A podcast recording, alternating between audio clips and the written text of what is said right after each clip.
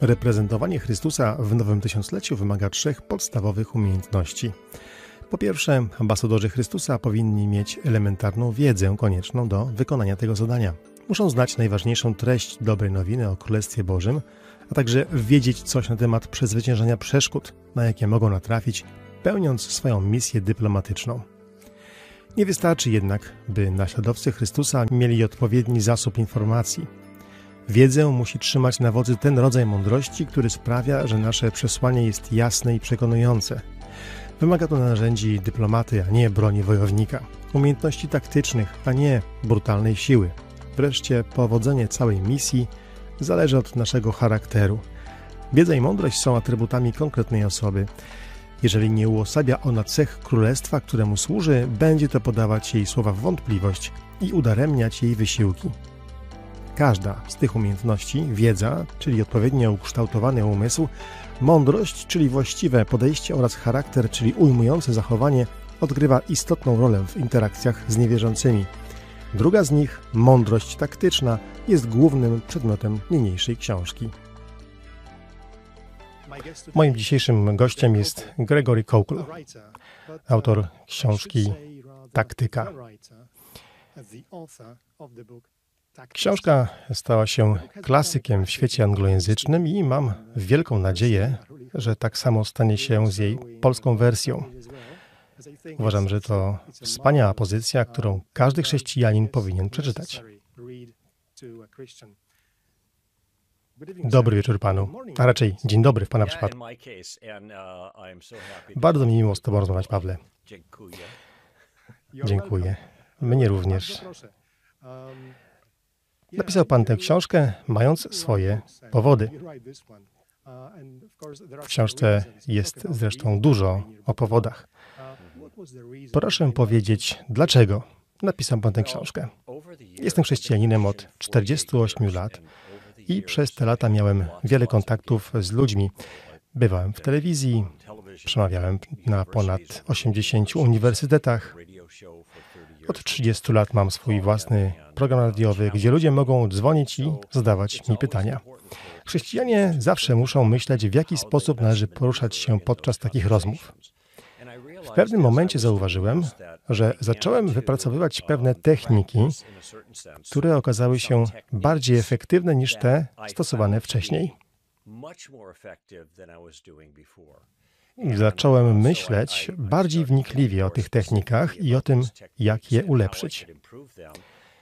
Po zachęcie od pewnego z braci, Craiga Hazena z Uniwersytetu Biola, który powiedział, a może napiszesz książkę o tych technikach i manewrach podczas rozmów i nauczysz innych, jak ich używać?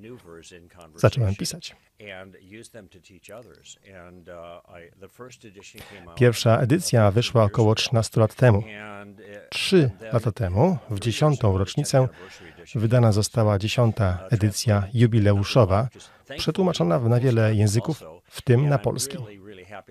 Cieszę się bardzo, bo otrzymałem mnóstwo informacji od ludzi mówiących mi, jak bardzo ta książka odmieniła sposób, w jaki rozmawiają z ludźmi. W sposób bardziej zrelaksowany, ale również bardziej efektywny ze względu na określone techniki. Nazwałem je planem gry. Składa się on z trzech kroków. Chrześcijanin może łatwo zapamiętać te kroki i zastosować je. Pomaga mu to przejść przez rozmowę produktywnie. Możliwe, że po pierwszym kroku nasz rozmówca straci zainteresowanie, ale przynajmniej mieliśmy plan. Jest wiele innych technik, które nazywam taktykami, a których ludzie mogą używać podczas rozmowy, by osiągnąć różne cele. Cele te mogą się różnić w zależności od rozmowy.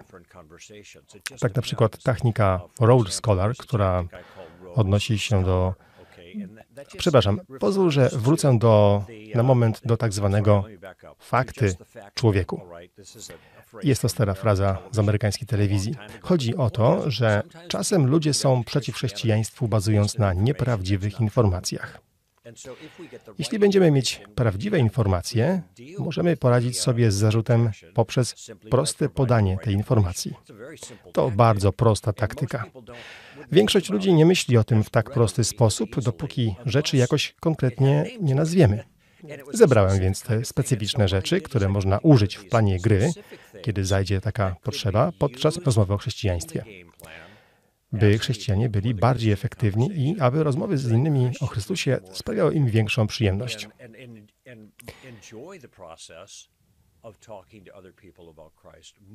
Myślę, Pawle, że wielu chrześcijan boi się angażować w rozmowy z innymi.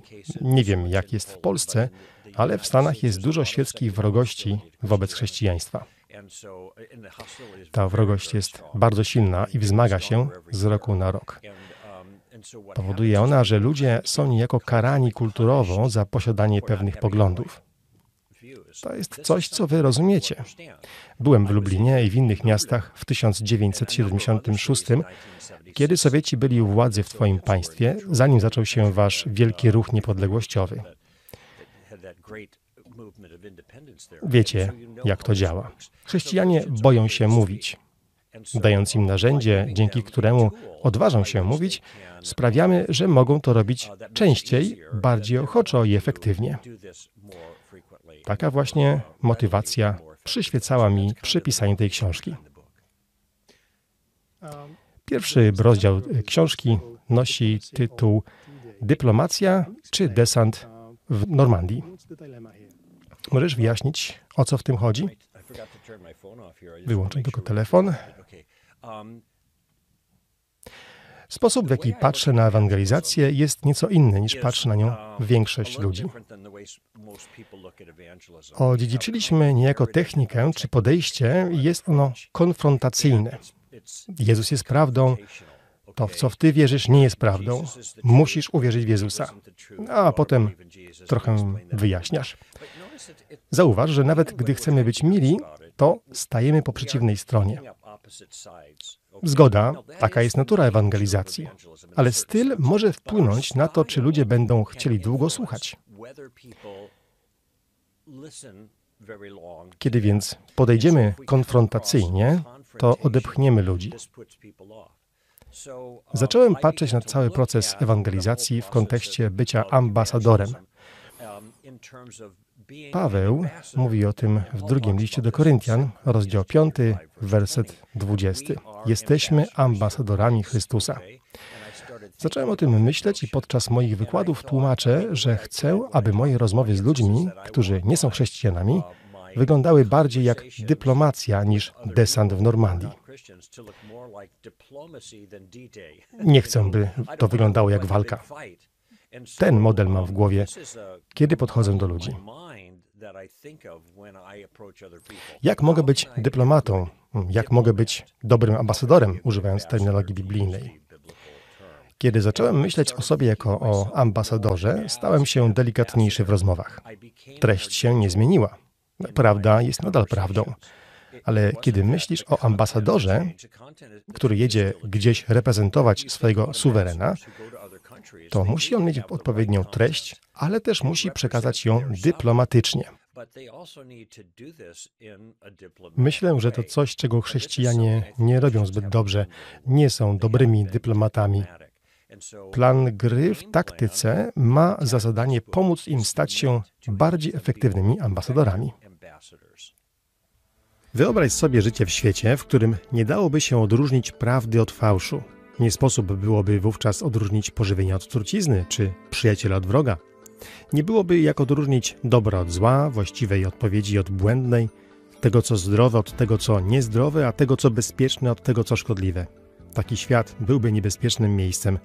Nie dałoby się w nim zbyt długo przetrwać.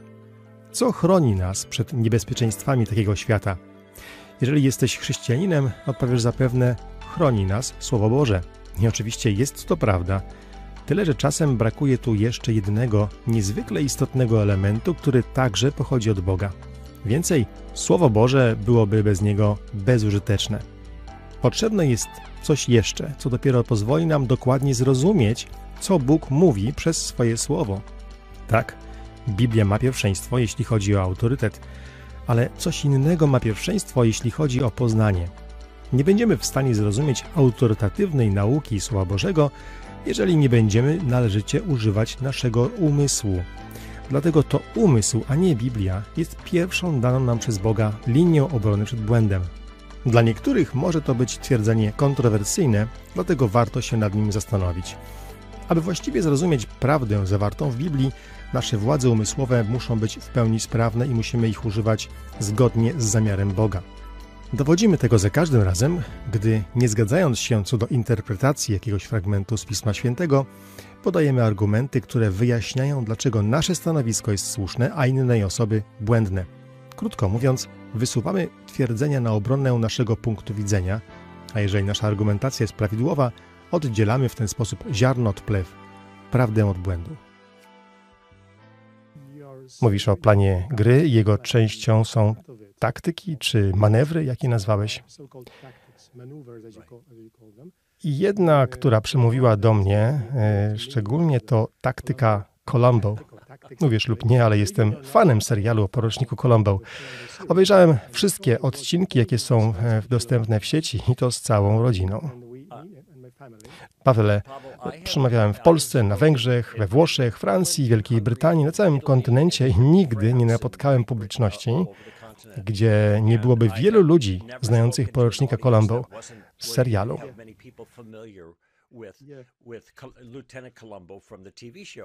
Dziwne, że gdy mówię o, o amerykańskiej widowni, zwłaszcza młodych ludzi, to o nim nie słyszeli. Na uniwersytetach go nie znają, więc muszę go im poniekąd e, odgrywać. Uważam, że jest to postać, która obrazuje sens tego, jak angażować się w rozmowę w określony sposób. Stąd taktyka Colombo, plan gry w rzeczy samej. To świetny pomysł. Strzał w dziesiątkę z tą filmową postacią. On nie jest wierzący w żadnym sensie, niestety. To nie jest serial religijny, ale kryminalny. Oczywiście. Ale to, co pokazuje, to dyplomacja. Colombo uzyskuje informacje od ludzi i udaje mu się to praktycznie zawsze bez nerwów. Nigdy nie jest wredny, nawet wobec najgorszych morderców. To dobry serial, ale czy mogę prosić, byś wyjaśnił jeden z aspektów tej taktyki? Pewnie. E, Colombo pokazuje pewien nawyk, jak to opisujesz, Pawle. Jest on rozbrajający. Kiedy przybywa na miejsce zbrodni, nie wygląda, jakby był bystry. Nie wydaje się straszny czy onieśmielający, więc morderca, bo w serialu zawsze znamy go od początku, nie boi się porucznika Colombo.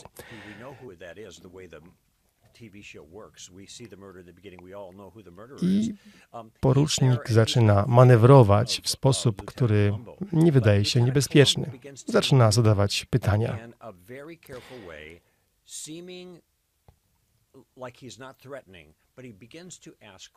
W miarę zadawania pytań zdobywa informacje, co jest normalne dla detektywa, ale Colombo jest rozluźniony. i, tak jak mówiłem, nie wydaje się zagrożeniem. To bardzo ważna jego cecha. Kiedy zadaje pytania, jego umysł pracuje i w miarę upływu czasu układa części układanki i dochodzi do wniosku, kto prawdopodobnie jest mordercą. Nie podchodzi jednak i nie pokazuje go palcem, ale zadaje więcej pytań, które w pewnym sensie mają złapać mordercę w pułapkę. Celem tej techniki nie jest złapanie rozmówcy w pułapkę w niewłaściwy, zawstydzający go sposób, ale zdobycie informacji i pomoc dla niego. Pamiętajmy, że Colombo chciał pomóc ludziom dotrzeć do prawdy, kto jest mordercą. Morderca to oczywiście złoczyńca. My chcemy, by ludzie zobaczyli prawdę, ale nie są oni mordercami. Są złoczyńcami w naszym rozumieniu, grzesznikami przed Bogiem. Rozmawiając w sposób przyjazny, pomagamy im to zobaczyć. Możemy poruszać się w ten sposób, jak porucznik Colombo. To jest pierwsza rzecz, którą polecam ludziom. Nazywam ją pierwszym krokiem planu gry. Wielu ludzi, gdy zaczynają rozmawiać o Jezusie, myśli, by doprowadzić słuchacza do Chrystusa. No, wspaniale jest mieć taki cel, ale sugeruję, by nie martwić się tym na samym początku, zwłaszcza kiedy jest to nieznajomy. Nic nie wiemy ani o nim, ani o jego wierzeniach, ani czymkolwiek. Ważne, byśmy traktowali ludzi indywidualnie. Paweł mówi w czwartym rozdziale listu do Kolosan, że musimy wiedzieć, jak odpowiedzieć każdemu. Jak to zrobić? Trzeba zebrać informacje. Po to jest ten pierwszy krok planu gry. Pierwszy krok taktyki Colombo. Zbieraj informacje. Nie martw się jeszcze zdobyciem kogoś dla Chrystusa. Nawet je, może być to już chrześcijanin. Tego nie wiemy. Możemy wiedzieć, że to nie jest chrześcijanin, ale mało lub wcale nie znać jego poglądów. Sugeruję więc pytanie, które brzmi: Co przez to rozumiesz? To bardzo szerokie pytanie i może być wykorzystywane na wiele sposobów. W książce piszę o rozmowie z kobietą, która okazuje się być wiedźmą. Dowiedziałem się o tym, pytając o jej biżuterię. Zauważyłem, że nosiła okultystyczny naszyjnik. Zapytałem więc, czy ta biżuteria ma znaczenie religijne? Innymi słowy, zapytałem, co rozumiesz przez tę biżuterię? Zauważ, że jest to po prostu modelowe pytanie, mające wiele różnych odmian. Interesujemy się poglądami tej innej osoby. To pytanie jest wyjątkowo ważne, gdy ktoś kwestionuje chrześcijaństwo. Jeśli ktoś mówi, Biblia została zmieniona i nie możemy jej ufać, co ciągle powtarzają muzułmanie, ale i wielu ludzi niereligijnych, albo jestem ateistą i wierzę w materializm, lub wszystko jest względne. Te i tym podobne stwierdzenia słyszymy od ludzi.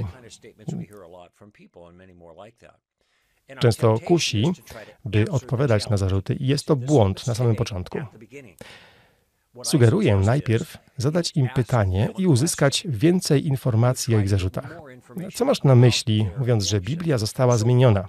Odgrywam teraz rolę osoby zainteresowanej. Kiedy mówisz, że jesteś ateistycznym materialistą, możesz powiedzieć, co to znaczy? Oczywiście wiem, co to znaczy i wiem, co ta osoba ma na myśli. Albo wszystko jest względne. Napisałem książkę o, relatywizmie i wiem, czym on jest, ale nie wiem, czy ten człowiek wie, nawet gdy o nim mówi. Ludzie wielokrotnie powtarzają to, co mówili inni, by wprowadzić chrześcijan w zakłopotanie. Zamiast więc mówić, no nie wszystko jest względne, podam ci powody, oto rozdział w tej książce. Po prostu zapytam, co rozumiesz przez względne? Albo gdy ktoś powie, jestem materialistą, Boga nie ma. A co rozumiesz przez materializm? Pomóż mi to wyjaśnić. Ponieważ powiedzą, że nie ma rzeczy niematerialnych. Odpowiem, serio? To co powiesz o swoich myślach? Czy twoje myśli są materialne? No to jest pytanie. Zauważ, Pawle, że ty to wiesz, ale może widzowie nie wiedzą. Chcę się zapytać o wszystko, o co mogę. Kiedy zadaję pytanie, to jestem uprzejmy. Wciągam rozmówców do rozmowy o ich poglądach. Siedzę w fotelu kierowcy tej rozmowy, nawet jeśli to nie ja mówię. Kiedy zadaję pytanie, sam uzyskuję czas do namysłu i co bardzo ważne, pozwala to rozmówcom na sprecyzowanie swojego stwierdzenia, nad którym w tym celu muszą się głębiej zastanowić. I kiedy się tak zastanawiają, to obiecuję ci, choć może już tego doświadczyłeś, ale mówię to ludziom, którzy nie używali planu gry, możesz spodziewać się jednego. Otóż, kiedy poproszę ich o wyjaśnienie, co rozumiesz przez relatywizm, co rozumiesz przez materializm, pomóż mi zrozumieć swój pogląd, w odpowiedzi następuje cisza, bo nie będą wiedzieli, co powiedzieć. Będą się powtarzać. No wiesz, jestem materialistą, wszystko jest względne, wiem, dopiero to mówiłeś. Chcę dowiedzieć się, co to znaczy. Pomóż mi Cię zrozumieć. Kiedy mówimy pomóż mi Cię zrozumieć, okazujemy uprzejmość drugiej osobie i zmuszamy ich do ostrożniejszego przemyślenia swoich przekonań. Większość ludzi nigdy tego wcześniej nie robiła. To daje mi więcej przestrzeni do działania.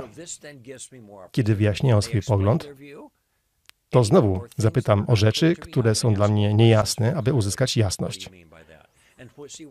Co przez to rozumiesz? Dzięki temu uzyskujemy coś, co w angielskim nazywamy ukształtowaniem terenu. Możemy zobaczyć, jak ukształtowany jest teren. O, teraz wiem, z czym mam do czynienia. I otrzymujemy dane wywiadowcze, używając terminologii militarnej. To jest bardzo cenne, zanim dowiemy się, dokąd ruszyć dalej. To pierwszy krok planu gry. Używaj pytań takich jak, co przez to rozumiesz, aby zdobyć jak najwięcej informacji o poglądach rozmówcy. To nie przypadek, że Biblia uczy nas, by więcej słuchać niż mówić. No tak. Jakub to powiedział. Takie podejście idzie z tym w parze. Czy mogę to skomentować? Oczywiście. Ten tekst wzywa nas do słuchania, ale zauważ, że kiedy zadajemy pytania, by słuchać odpowiedzi, to kierujemy rozmową w określony sposób. Mimo, że to nie my mówimy, to w dobrym sensie kierujemy rozmową. Jesteśmy fotelu kierowcy. Dokładnie tak. To pomaga nie tylko nam, bo mamy czas przemyśleć nasz kolejny krok i mamy szansę lepiej zrozumieć naszego rozmówcę, ale pomaga to także osobie, z którą rozmawiamy, bo, jak już wspomniałeś, ma rzadką okazję, by przemyśleć swoje poglądy. Mogą to zapamiętać.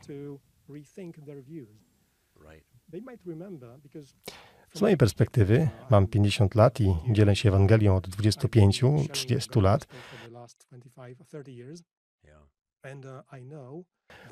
I wiem, że można wytłumaczyć komuś wszystkie szczegóły Ewangelii, a za chwilę ta osoba nic nie pamięta.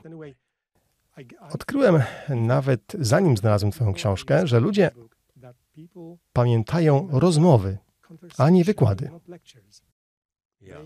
Trafna uwaga. Bardziej zapamiętują pytania. Pierwszym krokiem taktyki Colombo jest pytanie, co przez to rozumiesz? Całość składa się z trzech kroków. Pierwsze dwa kroki są najważniejsze dla początkujących.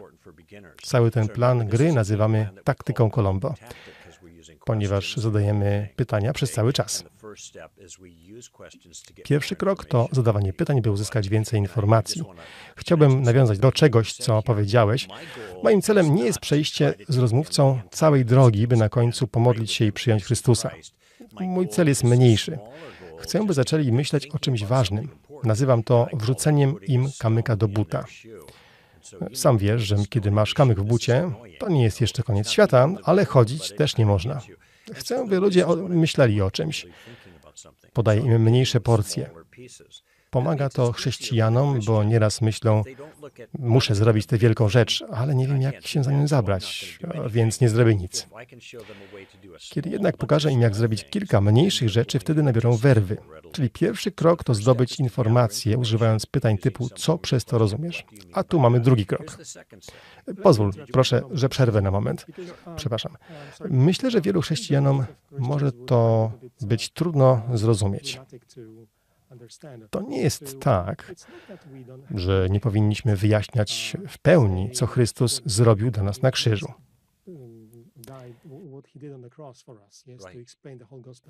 Jeśli jest okazja, to wytłumacz to, kiedy masz czas i osoba słucha, wtedy zrób to, szczególnie jeśli cię o to prosi.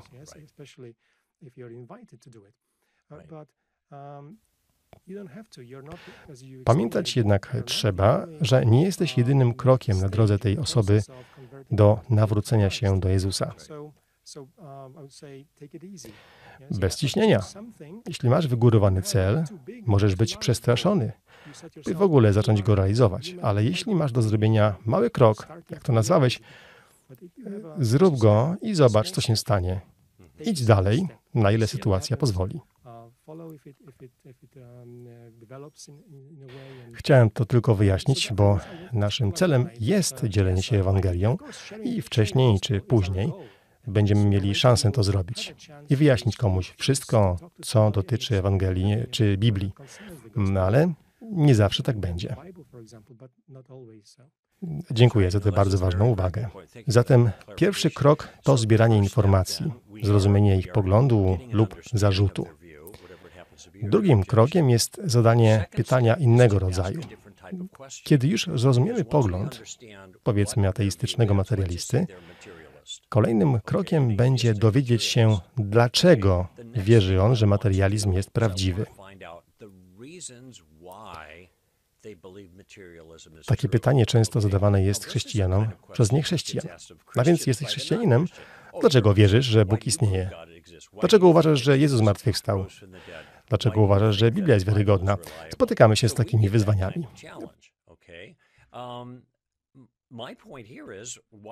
Proponuję, żebyśmy odpowiadali tym samym, żebyśmy to my zapytali o powody przekonań innych osób. Nazywam to odwróceniem ciężaru dowodu. Kiedy oni stwierdzają, nie ma Boga i że są materialistami, wtedy to jest ich zadanie, by udowodnić, że to prawda. To nie my mamy udowadniać im, że nie mają racji. Więc jeśli ktoś tak powie, to zadam mu wtedy inne pytanie, to drugie medalowe pytanie, które brzmi: Jak doszedłeś do tego wniosku? Lub dlaczego wierzysz, że tak jest? Dlaczego jesteś materialistą? Mogą odpowiedzieć oczywiście, że widzą rzeczy materialne. Możesz wtedy odpowiedzieć, czyli wszystko, co, czego nie widać, nie istnieje. Zauważ, że jest to kolejne pytanie, ale jest to forma naszego pierwszego pytania. Co przez to rozumiesz? Ponieważ rozmówca daje nam powód, który w tym przypadku uważam za słaby i chcę wyjaśnienia. Czyli to, czego nie widać, nie istnieje? Brzmi to trochę dziwnie. Tak, jeśli czegoś nie widzę, to ta rzecz nie istnieje. A widzisz swoje myśli? No tak, dla przykładu. Zauważ, że pytam, jakie druga osoba ma powody dla swoich przekonań. To bardzo ważne. Czasami ludzie powiedzą coś niejasnego, Wtedy możemy zadać pytanie pierwszego rodzaju. Zauważ, że cały czas rozmawiam. To moi rozmówcy mówią przez większość czasu, głównie o swoich poglądach, a ja zadaję konkretne pytania, by uzyskać jasny obraz tych poglądów. Dzieje się wtedy coś e, jeszcze.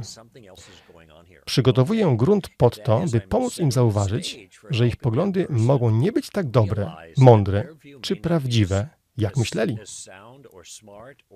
Robię to przez proste zadawanie pytań.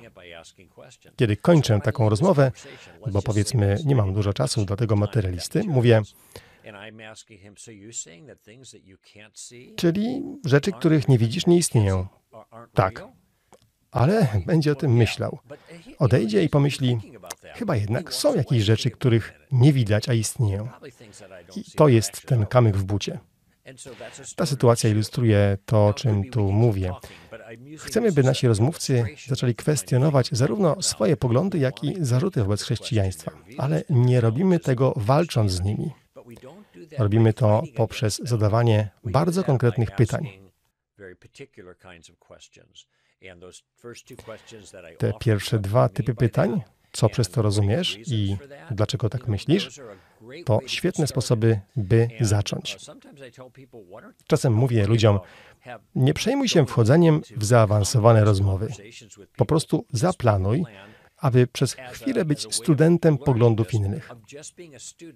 Bóg poprowadzi te rozmowy w ciekawych i produktywnych kierunkach. Widziałem to na własne oczy.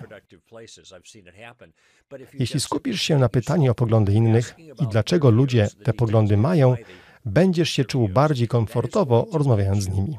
Obiecuję ci to.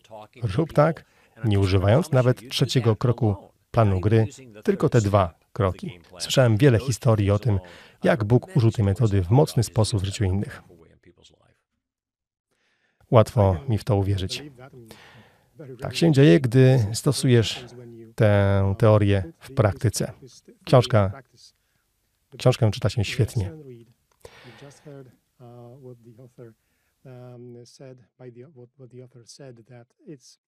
Usłyszeliśmy autora i mam nadzieję, że cała rozmowa była interesująca, tak jak sama książka. Przeczytajcie ją możliwie szybko. W moim przypadku głęboko zmieniła ona sposób, w jaki patrzę na ewangelizację. Pomogła mnie, pomoże też Wam. Dziękuję, że przyjął Pan zaproszenie do programu i mam nadzieję, że spotkamy się znowu, by rozmawiać o innych Pana książkach. Proszę bardzo. Cała przyjemność po mojej stronie, Pawle. Dziękuję i do zobaczenia. Nasze drugie pytanie w ramach taktyki Colombo, czyli jak doszedłeś do tego wniosku, ma na celu wyegzekwowanie zasady ciężaru dowodu.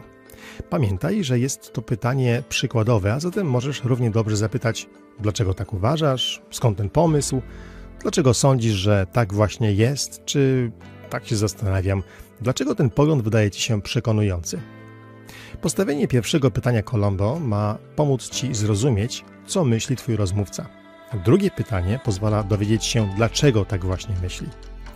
W dobrej wierze zakłada ono, że twój rozmówca faktycznie doszedł do przedstawionego przez siebie poglądu, że potrafi podać powody, dla których przyjął jakiś pogląd i że nie opiera się jedynie na emocjach.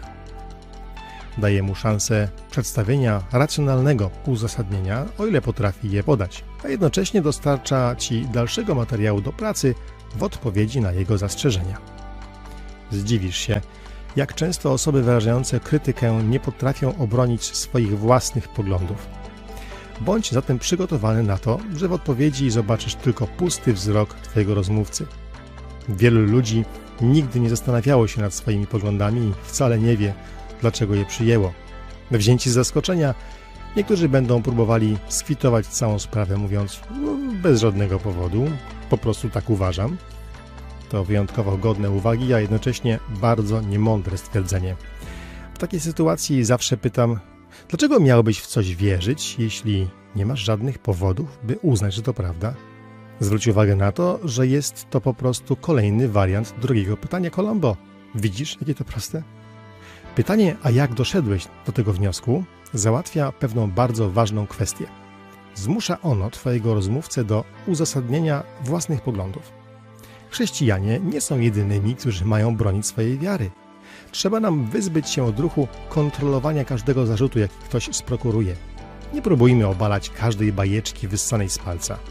Wręcz przeciwnie, powinniśmy przerzucić ciężar dowodu z powrotem na ramiona osoby, która wypowiada dane twierdzenie. Niech poda powody, a nie tylko punkt widzenia. Chodzi nie o to, byśmy my obalali jej twierdzenie, lecz by ona je obroniła. Fajną książkę przeczytaliśmy. Naprawdę dobrą. Taką, którą polecamy z czystym sumieniem i mamy nadzieję, że ta recenzja zachęci Was do jej zakupu i do jej przeczytania. Czy jesteś sprytnym chrześcijaninem? Może się to wydawać dziwne pytanie, ale takie właśnie pytanie, czy taki nakaz Jezus dał swoim uczniom. Tak, dokładnie tak. I żebyśmy byli czyści jak gołębie i sprytni jak węże. Mówimy o książce Gregora Kołkla Taktyka. Gregory Kołkl jest e, filozofem i apologetą, wykładowcą Uniwersytetu Biola w Stanach Zjednoczonych i również e, hostem e, znanego programu radiowego, który prowadzi od 30 lat. Ale do książki. O czym jest ta książka, Michał? Według mnie ta książka jest o tym, jak mądrze mówić ludziom Ewangelię i ogólnie dyskutować z ludźmi na temat swojej wiary, broniąc jej i wrzucając, tak jak autor powiedział, kamyczek do buta swojego rozmówcy, aby go tam gniótł, gniótł, gniótł, aż w końcu on sam dojdzie do wniosku, że na przykład jego poglądy są niewłaściwe. Zaraz, powiedziałeś, że to jest y, książka podręcznik do głoszenia Ewangelii, ale to tylko Ewangelii? Nie, nie tylko Ewangelii, bo ogólnie rozmowy z kimś, abyśmy cały czas byli u steru tej rozmowy, abyśmy ją prowadzili w mądry sposób. Tak, bo bardzo często zdarza się, że wchodzimy w dyskurs y, z kimś, kto natychmiast narzuca nam swoją narrację i czujemy się nieco w potrzasku. Bardzo często zdarza się, że mm, czujemy się zobowiązani tłumaczyć, e, dlaczego e, ten, tłumaczyć się z niewinności, jak to się mówi często, to znaczy udowadniać tezę, której wcale nie, nie postawiliśmy, a postawi ją nasz rozmówca. Jeżeli ktoś e, zadaje jakąś bzdurną tezę, którą uknął w swojej głowie, czy też usłyszał od kogoś, to jego obowiązkiem, po jego stronie jest ciężar dowodowy, aby odpowiedzieć na to pytanie, które sam sobie zadał. Czyli jeżeli ktoś atakuje mnie jako chrześcijanina, no to niech wpierw udowodni, że ma rację. No właśnie, zdradziliśmy wam pierwszą, jedną z pierwszych zasad w tej książce omawianą, to znaczy przenoszenie ciężaru dowodu, czyli niepozwalanie, żeby ten, kto stawia tezę, wymagał od nas jej udowodnienia albo jej obalenia.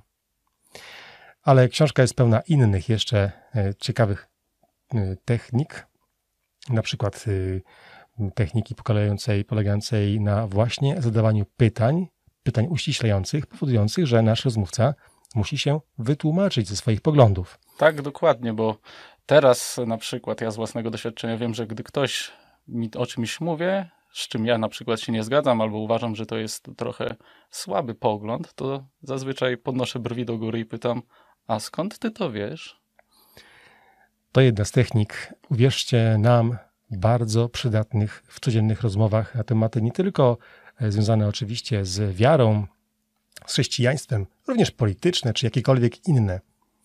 Książka e, jest napisana bardzo żywym językiem, e, takim praktycznym, bo też używa wielu przykładów z życia codziennego, które autor pokazuje, aby przedstawić swoje metody. Tak, tak, dokładnie, bo tak jak w poprzedniej książce, którą omawialiśmy, mieliśmy do czynienia z praktykiem, tak i tutaj również mamy do czynienia z autorem, który w swoim życiu cały czas rozmawia z innymi ludźmi i robi to bardzo dobrze również na antenie radiowej. Przekonuje ich i to skutecznie, czego możecie sami być świadkami, na przykład szukając, wyszukując nazwisko Gregory Koukl na YouTube. Co dała Ci ta książka? Ta książka przede wszystkim pozwoliła mi wziąć e, kierownicę w, w swoje ręce, kiedy prowadzę z kimś rozmowę. Czyli jeżeli prowadzę z kimś rozmowę, no to raz, że schodzi z moich barków balast e, jakby cały czas udowadniania swoich poglądów, tylko po prostu odbijam cały czas piłeczkę, zadając pytania swojemu rozmówcy. I on wtedy, jeżeli jest na tyle samokrytyczny, potrafi moim zdaniem dojść do wniosku, że ej, może nie mam racji, może ten koleś naprzeciwko, to on ma rację i ja się mylę.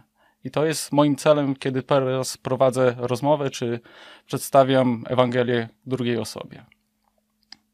Ja zrozumiałem y, wagę zadawania pytań, które y, wydają się po prostu takie trochę odległe od tego, co chcielibyśmy robić, bo chcielibyśmy przekonywać innych do naszych poglądów, szczególnie do wiary w Jezusa Chrystusa. Okazuje się jednak, że wiele osób czeka raczej na pytania i potrzebuje tych pytań. Po pierwsze, potrzebujemy ich my, po to, aby lepiej poznać poglądy naszych rozmówców, tak aby móc z nimi naprawdę porozmawiać o tych właśnie poglądach, a nie walczyć mm, z chochołami. A po drugie, potrzebują ich te osoby, które nas słuchają, bo one bardzo często, jak się okaże, w życiu nie usłyszały żadnego pytania dotyczącego ich poglądów, w szczególności poglądów tak zwanych religijnych. Więc okazja spotkania z chrześcijanami, którzy będą im zadawali pytania, jest być może jedyną okazją w ich życiu, aby przemyśleli, czy to, w co wierzą, jest prawdziwe. To dużo wie, więcej, dużo ważniejsze niż po prostu takie wrzucanie tematów i, i taka nawalanka słowna, gdzie zarzucamy kogoś poglądami swoimi, choćby i najbardziej słusznymi. Mało tego, jak e, chyba większość społeczeństwa wie, e, kontakt z kimś, czy dobre wrażenie robi się za pierwszym razem i w przeciągu mniej więcej 90 sekund. Więc jeżeli ktoś usłyszy od nas zadane mu pytanie, prawdopodobnie pomyśli, że jesteśmy nim przede wszystkim szczerze zainteresowani, co jest prawdą, bo chrześcijanie się troszczą o swoich rozmówców, rozmówców i też poczuje, że naprawdę zależy im nam na nich. A dodatkowo jeszcze okażemy się ludźmi no, ciekawymi. Oby. Ta książka, mimo że uczy technik rozmawiania w taki sposób, aby prowadzić, jak powiedziałeś, i autor używa tego, tego zwrotu, aby być u steru danej rozmowy, nie jest absolutnie książką wzywającą do jakichkolwiek manipulacji. Więc e, szczególnie my, chrześcijanie, wiemy, że wiara nie rodzi się z manipulowania, ale ze słuchania i nasze świadectwo, nasza moralność, okazywana również w tym, jak rozmawiamy, jak dyskutujemy, ma wielki wpływ na, to, czy ktoś e, rozważy poważnie ofertę Jezusa Chrystusa. Więc e, nie szukajmy tam jakichś trików, które byłyby niemoralne, chociaż myślę, że gdyby ktoś chciał, gdyby ktoś nie był chrześcijaninem, mógłby tej książki i tych metod użyć, aby no, na przykład właśnie podkopywać wiarę chrześcijańską, ale niech próbuje, niech podkopuje e, coś prawdziwego, może się dokopie do tego, co najważniejsze. I tutaj jeszcze bym dodał coś, dlaczego warto przeczytać tą książkę, bo jeżeli ktoś będzie wykorzystał, wykorzystywał przeciwko nam, chrześcijanom, właśnie tych metod, które są opisane w tej książce, to my je zobaczymy i będziemy mogli zreplikować. Więc co? Książka jest dla chrześcijan. Tak, y, uważam, że książka jest dla chrześcijan, aczkolwiek każdy, kto ją przeczyta, nawet ateista, czy osoba o innych poglądach, wyciągnie jakieś korzyści z niej, no bo będzie mogła skutecznie prowadzić rozmowę z drugą osobą. Jak oceniasz y, szatę graficzną tej książki? Szatę graficzną oceniam. To jest trudne pytanie dla mnie, bo yy, akurat w porównaniu do poprzedniej książki, którą omawialiśmy, no to jest trochę gorzej. Dużo gorzej, niestety. Ja tak nie będę taki łagodny. Jest dużo gorzej. I mnie w tej serii y, książek y, wydawnictwa, y, o którym jeszcze będziemy mówić, jest irytujące, irytująca naklejka na stronie, która jest przekrzywiona. Ciebie też to trochę denerwuje? No akurat tak, bo ja jestem osobą, która lubi ład i porządek, chociaż czasem sam nie przestrzegam tej zasady, ale mnie bardziej zirytował tekst, który jest niemalże ciągle napisany. Nie ma jakby tam takich spoczników. Wyraźnych akapitów, nie? Tak, takich tak. podziałów, żeby można było e, się... Trudno się, trudno się żegluje po tej książce. E, to nie jest jednak e, sprawa chrześcijaństwa ale mamy nadzieję, że rozumiecie, my was nie zniechęcamy do zakupu tej książki i do przeczytania jej, wręcz przeciwnie, no musimy pokonać tylko ten pierwsze wrażenie. Być może komuś się zresztą ta książka bardzo spodoba, to tylko Być nasze może wrażenie. będzie kolejna edycja tej książki. Ba. E, natomiast uważamy, wiem, bo Michał o to pytałem wcześniej, że książka jest, no, takim dzisiaj popularnym słowem nazywana must. To jest coś dla chrześcijanina, co powinien koniecznie przeczytać. Trochę głupio, że tak druga książka i znowu na, na, zachęcamy do jej przeczytania. ja mam nadzieję, było... że tak będzie cały czas. Aha, okej, okay. no to, to dobrze, w sumie, w sumie zgadzam się z tym. E, I mamy nadzieję, że zachęciliśmy was do przeczytania książki Gregora Kołkla Taktyka. Naprawdę będziecie po tej książce odmienieni. Będziecie pod... skuteczniejsi przede wszystkim. Skuteczniejsi. Zrozumiecie, na czym polegały wasze błędy, tak jak my zrozumieliśmy, na czym polegały nasze. Tak, dokładnie. Dzięki za uwagę. Do zobaczenia w następnym programie. Do zobaczenia. Cześć. W 1976 roku, na 10 lat przed upadkiem żelaznej kurtyny, wraz z trzema innymi osobami spędziliśmy 5 tygodni w Europie Wschodniej w Związku Radzieckim, realizując pewną tajną operację. Natrafiłem tam na pamiętny przypadek praktycznego samobójstwa. Gdy przekroczyliśmy granicę rumuńsko-mołdawską, zostaliśmy zatrzymani po stronie radzieckiej i przeszukani. Gdy Straż Graniczna znalazła Biblię, nasz samochód został poddany szczegółowej kontroli w poszukiwaniu kontrabandy. Potem zaczęło się przesłuchanie. Skąd wzięliśmy Biblię? Dlaczego przewoziliśmy je przez granicę? Dla kogo je wieziemy? Czy wiemy, że to jest nielegalne? Trwało to godzinami. Wiedzieliśmy, że Związek Radziecki twierdził, że panuje w nim wolność religijna. Twierdził też, że drukuje Biblię na użytek własnych obywateli. Wiedzieliśmy także, że oba te twierdzenia są fałszywe, co dało nam przewagę w tej rozmowie. Czy w Związku Radzieckim nie panuje wolność religijna? Zapytaliśmy, powołując się na propagandowe slogany. No oczywiście, że mamy wolność religijną, odparła tłumaczka z oburzeniem, ale u nas jest rozdział państwa od kościoła. Nie bardzo było jasne, jak przewóz Biblii przez granicę miałby naruszać tę akurat zasadę. Zapewne była to natomiast standardowa odpowiedź, jaką tłumaczka rzucała w odpowiedzi na wszelkie zastrzeżenia. Zabronione jest wwożenie Biblii i innych materiałów religijnych do Związku Radzieckiego, mówiła dalej. W szkołach uczymy dzieci, że nie ma Boga, tylko starzy ludzie w niego wierzą. Nasi ludzie są uczeni marksizmu, leninizmu. Nie pozwalamy na żadną propagandę. Mamy rozdział państwa od kościoła.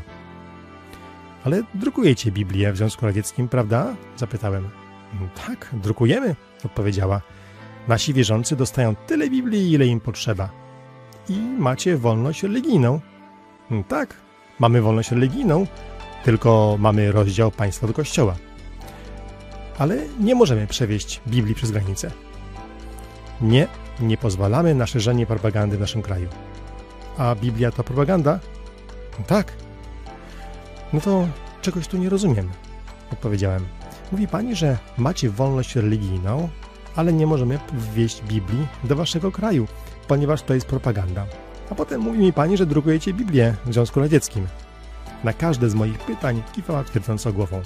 Zdziwiło mnie, że nie widziała, do czego zmierzam. A więc wygląda na to, że wasz rząd drukuje antykomunistyczną propagandę we własnym kraju. Nie, nie rozumie pan, odpowiedziała tłumaczka. Mamy rozdział państwa od kościoła.